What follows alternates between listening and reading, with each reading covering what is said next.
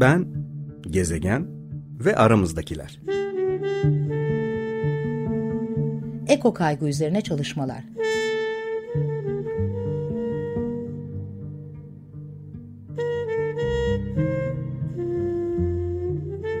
Hazırlayan ve sunan Elif Gül Şahin. Merhaba, 95.0 Açık Radyo stüdyolarındasınız. Ben Gezegen ve aramızdakilerde bu hafta ev, yer, mekan olarak gezegen ve nostalji konuşacağız. E, oldukça romantize edilebilecek bir konu. En azından benim için öyle. Söz konusu nostalji oldu muydu ben çok şey söylemek istiyorum. Hemen de duygulanırım. İtiraf etmek gerekirse hala neredeyse her gün 90'ların Türkçe pop şarkılarından bir tanesini dinliyorum. Bugün de programda literatüre bir çeşit nostalji duygusu olarak geçen solastalji'den bahsedeceğiz. Biraz tartışacağız da bu duygu nostalji mi diye. Neyse daha fazla kimsenin kafasını karıştırmadan bir bakalım solastalji neymiş? Solastalji bir fenomen. 21. yüzyılda konuşulmaya başlanmış e, ve duygularımızın evrimleşmesiyle bir yeni dünya duygusunu tanımlamak için ortaya atılmış bir kavram. Jill ve Glenn Albrecht antroposen psişesi için bu yeni kelimeyi üretiyorlar. Solastalji bireyin ait olduğu çevrenin bozulmasıyla ortaya çıkan bir teselli kaybını anlatıyor. Yani diyor ki kişi yaşadığı çevreyle bir bağ kurar ve bu çevre onun teselli bulmasında önemli bir role sahiptir. Ve bu çevrenin bozulması kişinin melankoli gibi bir his hissetmesine sebep olur. Bu his de bir çeşit göç gibidir. Göç etmek zorunda kalan insanların yaşadıklarına benzer bir ıssızlık ve kayıp duygusuyla ifade ediliyor solastalji. Ama buradaki göçe kişinin göç etmesi değil, yerin göç etmesi diyebiliriz. Çünkü kişi hala aynı yerdedir, evindedir ama evi orada değildir. Yaşadığı kayıpla yer değiştirmeden bir göç durumu deneyimlemektedir. Olduğunuz yerdesinizdir ama doğa göç etmiştir. Bunun için solastaljiye doğa göçü de diyebiliriz. Doğa göçüne bağlı nostalji hissi. Siz oradasınızdır, evinizdesinizdir ama ev nerededir? Dışarıdan baktığınızda gördüğünüz manzara yoktur. Belki ağaçlar sökülmüştür. Belki tam karşınıza bir AVM yapılmıştır. Belki sevgilinizle ilk öpüştüğünüz park artık bir oteldir. Hikayeniz kaybolmak üzeredir. Yani evdeyken evde olamama. Ama bu varoluşsal bir şey değil. Yani varoluşsal bir şey tabii ki. Ama o hayatın içinde mekandan bağımsız yaşadığımız yabancılaşma, kendine bir yer bulamama, boşluk duygusu gibi değil.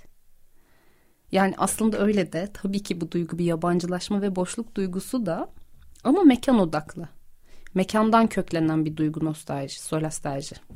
Yere bağlı, yerdeki değişime ve kayba bağlı bir duygu. Kısaca özetlemek gerekirse diyor ki insanlar yaşadıkları yerle güçlü bir bağ kurarlar. Güvenlik ve kişisel kimlik inşasını bu bağ üzerinden de gerçekleştirirler Yaşanılan yerdeki değişiklikler bu güvenlik ve kişisel kimlik temelini sarsarak yoğun psikolojik bir sıkıntı yaratır. buradaki o değişiklik dediği şey de Sorastaj'da aslında buraya kadar ilerlemeyecektim. Kavramı bu kadar derinleştirmeden başka şeyler konuşmak istiyordum. Ama madem geldik buraya kadar biraz daha devam edelim. Aslında buradaki o değişiklik dediği şey yani solastaljiye neden olan faktör doğal ve yapay çevresel değişiklikler. Kuraklık, yangın, sel, savaş, terör, madencilik, şehrin bir kısmının soyutlaştırılması ya da kentsel dönüşüm gibi bir şeyden kaynaklanabilir bu çevresel bozulma. Yani burada solastaljide bahsedilen değişim bir bozulma. Taşınmaktan başka bir şey taşınmak, büyümek, başka bir şehre yerleşmek ve oraya özlem, nostalji duymaktan farklı. Bu bir bozulma, bir haraplanma böyle bir kelime var mı bilmiyorum ama zihindeki ve içseldeki gibi kalmıyor oluş hali. Ha, tahribat diyebiliriz. O anıyı taşıyan, o bağ kurduğumuz mekanın tahrip olması. Bu programda daha çok solastalcinin mekan yönüne odaklanacağız. Çünkü o anıyı, kimliği ve kişisel hikayeyi taşıyan mekan bozuluyor. Saran, çerçeveleyen, taşıyan güç kalkanı bozuluyor aslında. Mekanın, yerin, evin öyle koruyan ve kapsayan bir tarafı var. Bir arada tutan bir güç, bir imkan. O imkan bozuluyor. Düşlerin ve geçmişin imkanı ıssızlaşıyor solastajide. Aslında biraz rüya gibi. Rüyada da olaylar, karakterler vardır. Ama rüya onun taşıyıcı yapısıdır. O olayları ve karakterleri taşır. Mekan da zihindeki o anıyı dolayısıyla duyguyu taşır. Mekanın tahrip olmasıyla beraber o duygu ve anı da tahrip olur. Bir örnek üstünden gidelim. Bunu beraber yapalım. Düşünüyorum ben de burada sizinle. O güvenli alan, kalkan, oradaki ben, benim hikayem, ev. Benim kişisel hikayem için Kadıköy geliyor örneğin ilk aklıma. Özellikle üniversitenin ilk yıllarında o kimlik oluşumuyla ilgili. Hmm, ya da e, ortaokul ve lise zamanlarında başka bir örnek üzerinden gideceğim. Ortaokul lise zamanlarında evimizin çok yakınında bir, bir viyadük vardı. Ve orada yürüyüşe çıkardık. O yaşımı hatırladığımda çoğunlukla oradaki anılarım gözümde canlanır. Arkadaşlarımla buluştuğum, yürüyüş yaptığım, gizli gizli bir şeyler karıştıracaksam gittiğim yer orasıydı. Ev deyince orası bu hikayenin önemli bir parçasıydı. Şimdi bile hatırladığımda yani gözümü kapatıp orayı düşündüğümde oranın manzarasını, orada gökyüzünün nasıl göründüğünü gözümde canlandırabiliyorum. Zamanla orası bir mesire alanına dönüştürüldü ve çehresi tamamen bozuldu.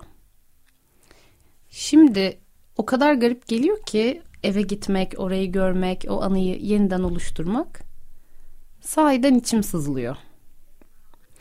İşte solastalji bu. Ya da müsilajı düşünelim. Özellikle ikonik bir fotoğraf vardı. Moda iskelesinin müsilajlı hali. O fotoğrafı, orayı o şekilde görmenin yarattığı duyguyu hatırlıyorum. Ya da zaman içinde Taksim'i düşünelim. Ortak bir anlatıdan yola çıkalım. Çok kaba ve labali bir yerden söylüyorum. Tabii ki İstiklal'in, Taksim'in çok daha politik bir süreçte değişimi var ve bu süreç içindeki mücadelenin bıraktığı başka hisler de var. Ama anılarımızda, hikayelerimizdeki o bulunamayan silüetin yarattığı bir sızı da var. O ortak anlatı derken şundan bahsediyorum. Taksim'in Taksim olduğu zamanlar demek. Son 13 Kasım bombalı saldırısından sonra çok insan gördüm. İstiklal'le olan ilişkisine dair bir şeyler yazan, oradaki anılarını söylemek isteyen. Çünkü o tahribat, o bozulma giderek ıssızlaşan bir his bırakıyor geride. Teselli kaybı derken bundan bahsediyorum. Mekan, ev, bağ kurulan yapı bir geri dönüş imkanı da sağlıyor. Solastalji imkan kayboluyor. Çünkü nostalji bir geriye dönüştür aslında. Mekanda yani evde bu dönüşün imkanıdır. Hareket edebilmek için yani ileriye ve geriye gidebilmek için hareketsiz bir noktadır mekan. Semazenlerin dönerken gözlerini bir noktaya kitlemesi ya da denge gerektiren aktivitelerde gözümüzü bir hareketsiz noktaya kitlemek gibi ev ile kurulan ilişki ve temel duygu bize geri dönebilme imkanı sağlar. Teselli kaybından bahsederken bu imkansızlıktan bahsediyorum. Bu hatıralara dönmek de olabilir. Yani tezahür etmek. Orayı fiziksel olarak ziyaret etmek de olabilir. İşte teselli budur. Bu dönüş imkanının bozulması, insanın yolunu şaşırması. Bir ıssızlık duygusu. Çünkü nostalji zaman ve mekanı birbirine bağlar ve bir dönüş imkanı sunar. Ne demişler? Eve giden yol evden güzel. Kelimenin köküne baktığımızda da nostalji şu iki kök kelimeden oluşuyor. Nostos ve algos. Biraz önce dönüş demiştik. Nostos dönüş, algos acı anlamına geliyor. Nostalji geri dönüş acısıdır. Hem insanın uzakta olduğunda çektiği eziyet hem de geri dönmek için çektiği sıkıntıdır kök itibariyle. Tabi söz konusu sorastajı olduğunda bunu tersten okumakta gerekir. Çünkü burada giden insan değil mekandır. Nostalji eve dönüştür. Kelimenin ilk bulunuş itibariyle de e, henüz aslında çok yeni bir kelime nostalji. 17. yüzyılda İsviçreli e, askerlerin savaşa gittiklerinde memleketlerine dönme arzusu ve memleketlerine dönmek için hissettikleri duyguyu tanımlamak için e, oluşturuluyor. Tabi buradaki memleket biraz vatan, millet gibi kurgulanmış ama bizim burada konuştuğumuz içsel bir nesne. Bir anı, bir duygu olarak evdir. Ya da öyle midir? Ev bir anı mıdır? Bir aktarım mıdır ev? Ev neresidir? İnsan evinde olduğunu ne zaman anlar? Odysseus İtaka'ya döndüğünde nasıl anlamıştır evine geldiğini? Bütün bir Odessa destanı bunun üzerine kuruludur. Nostalji üzerine. Bu konuda Barbara Cassie'nin Nostalji isimli çok güzel bir kitabı var. Zaman zaman oradan da alıntı yapacağım. Odessa'nın konusu Odysseus'un geri dönebilir olup olmadığıdır. Yani Nostimos. Ve tüm hikaye Odysseus'un İtaka'ya dönüş gününe ve o yolculuğa odaklanır. Ama Odysseus döndüğünde İtaka'yı tanıyamaz. İnsan evini nasıl tanır? Siz evinizi nasıl tanırsınız? Ev neresidir? Ben de kendime sordum bunu. Evim neresi? Bir arkadaşımla beraber sabah kahvesi içerken ona da sordum. Evin neresi diye. Emircan kendi kurduğum tanıdık ve güvenli yer evim dedi. Ama bundan bahsederken bir dışsal yapıdan, dışsal bir yapıyı kurmaktan bahsetmiyordu. Somut duvarlardan söz etmiyordu. Tanıdık olmak, güvende hissetmek, içsel bir yapıdan, içsel bir inşadan söz ediyordu. Nomadland'de beni çok etkileyen bir replik vardır.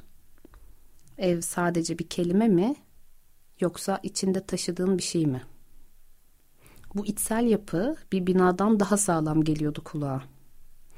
Ve evet aradığım kelime sanırım buydu. Tanıdık olmak. O yüzden hala bıkmadan usanmadan 90'lar Türkçe pop dinliyorum. Tanıdık çünkü. Tam bu ev, nostalji, solastalji yapbozunun önemli bir parçası gibi tanıdıklık. Destana dönelim. Odysseus sonunda oradadır. Ama aslında hiç de orada değildir. Her şey başka bir biçimde, başka bir idededir. Tanıdık değildir. Onu ilk anda köpeğinden başka kimse tanımaz. Odysseus da anlamaz bu geldiği yer İtaka mıdır? Hiçbir şey evinden, yerinden, yurdundan daha korkutucu bir şekilde yabancı ve tedirgin edici olamaz. Odysseus'un kimlik arayışı İtaka dönüşünde orayı tanıma sürecine dönüşür. Bu tanıdık olmak bizi çok önemli bir kavrama götürür. Freudian psikanalizin tekinsiz kavramına. Bunun kelime kökü de tam olarak tanıdık olmanın zıt anlamlısıdır. Tekinsizlik, iklim değişikliği ve sorastajı ile ilgili üzerine daha çok tartışılması gereken bir konu. Bunu başka bir programda uzun uzun konuşmak istiyorum. Ama burada vurgulamak istediğim nostaljide ve solastajide tanıdık olmanın önemi. Öyleyse insan ne zaman evindedir? Odysseus ne zaman evindedir? Ne zaman yuvasındadır?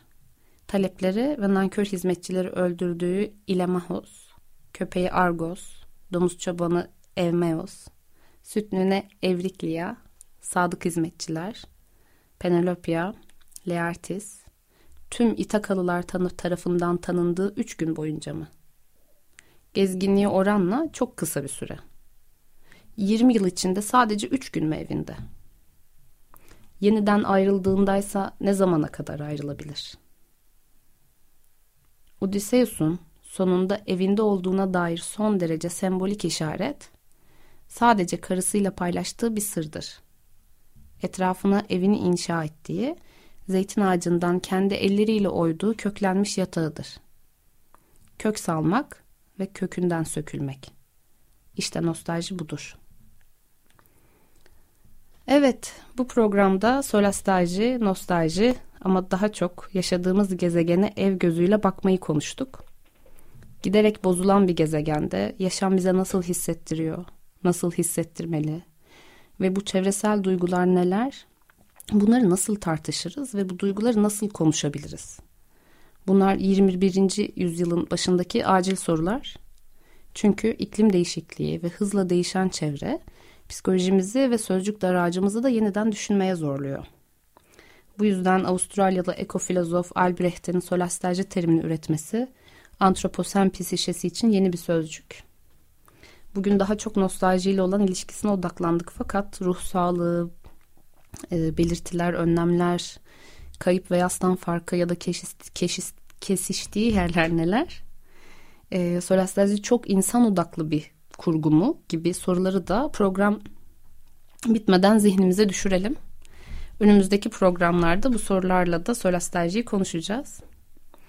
Siz de kendi deneyiminizi, iç sızınızı ya da tavsiyelerinizi paylaşmak isterseniz ben gezegen ve aramızdakiler gmail.com adresinden bana ulaşabilirsiniz. E, nostalji dedik, 90'lar pop dedik. O halde kapanışı da öyle yapalım. Yeni türküden bir parçayla kapatıyoruz. Soruyor, mümkün mü artık dönmek? 14 gün sonra görüşürüz.